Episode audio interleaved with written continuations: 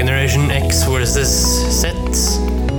Sandberg Productions presenterer Den ekte samtalen om og med generasjon X og Z. Hold deg fast og nyt. I dag tar vi opp temaet Hei, hei, kjære lytter, og hjertelig velkommen til eh, luke fire av eh, vår julekalender her i Generation X versus Z. Og eh, dagens tema er kirken. Hvorvidt våre russisk-ortodokse venner går i kirken eh, på jul. De er jo opptatt av Henrik. Det er En ting er om de da går til kirken. fordi jeg har en sånn tanke om at eh, det er veldig sterk tradisjon i Russland og respekt for kirken såpass at tror jeg er noe spesielt i, ved juletider da, altså. Ja, eh, og det får man også høre her, da. Eh, alle de forberedelsene som blir gjort da før man går til kirken. Ok. Ja, Nei, men eh, vi, vi hører. Vi hører. lytter. Ja. ja.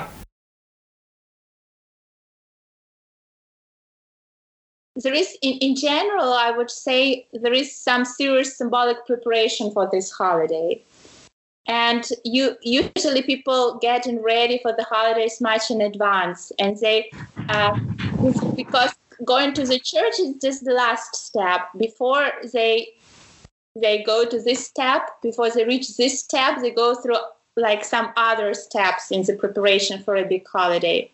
So people clean the, clean their homes. They they paint flowers on the fireplace. They laid a very beautiful tablecloth on the ta- uh, on the table, and uh, it's um, and what's important is that everyone was involved in the Christmas preparation, from their elders to the youngest, and everyone has his or her fixin.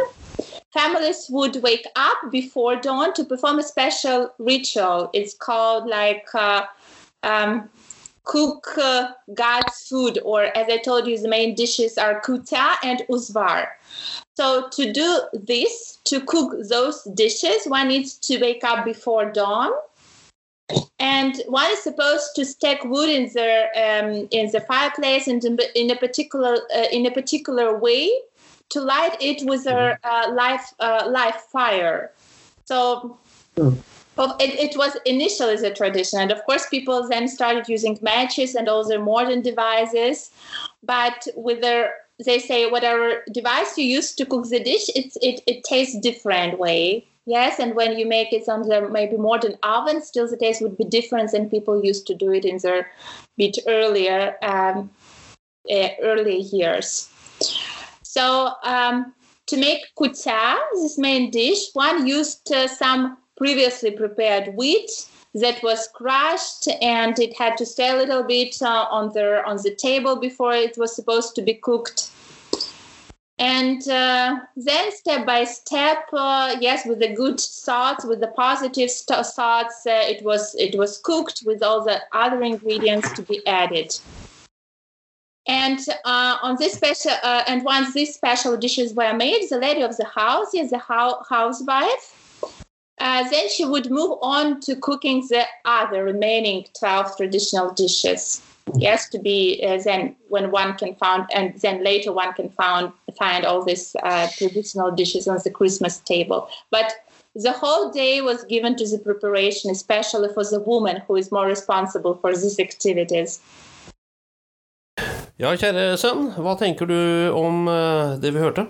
Og ja, det var som du sa, det er veldig mye respekt for akkurat det å gå i kirken. Ja. Eh, jeg tror hun også nevner det i, i et senere tidspunkt at hvis du gjør det samme i Tyskland på julaften, så ser du da en mer eller mindre tom kirke.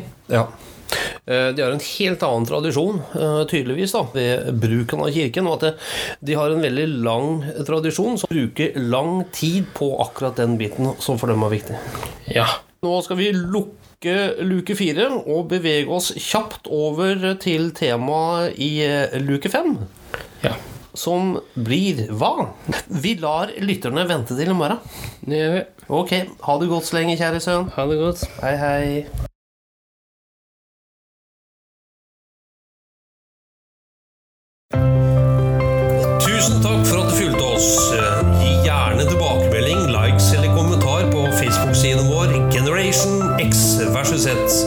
Velkommen igjen til neste podkastepisode.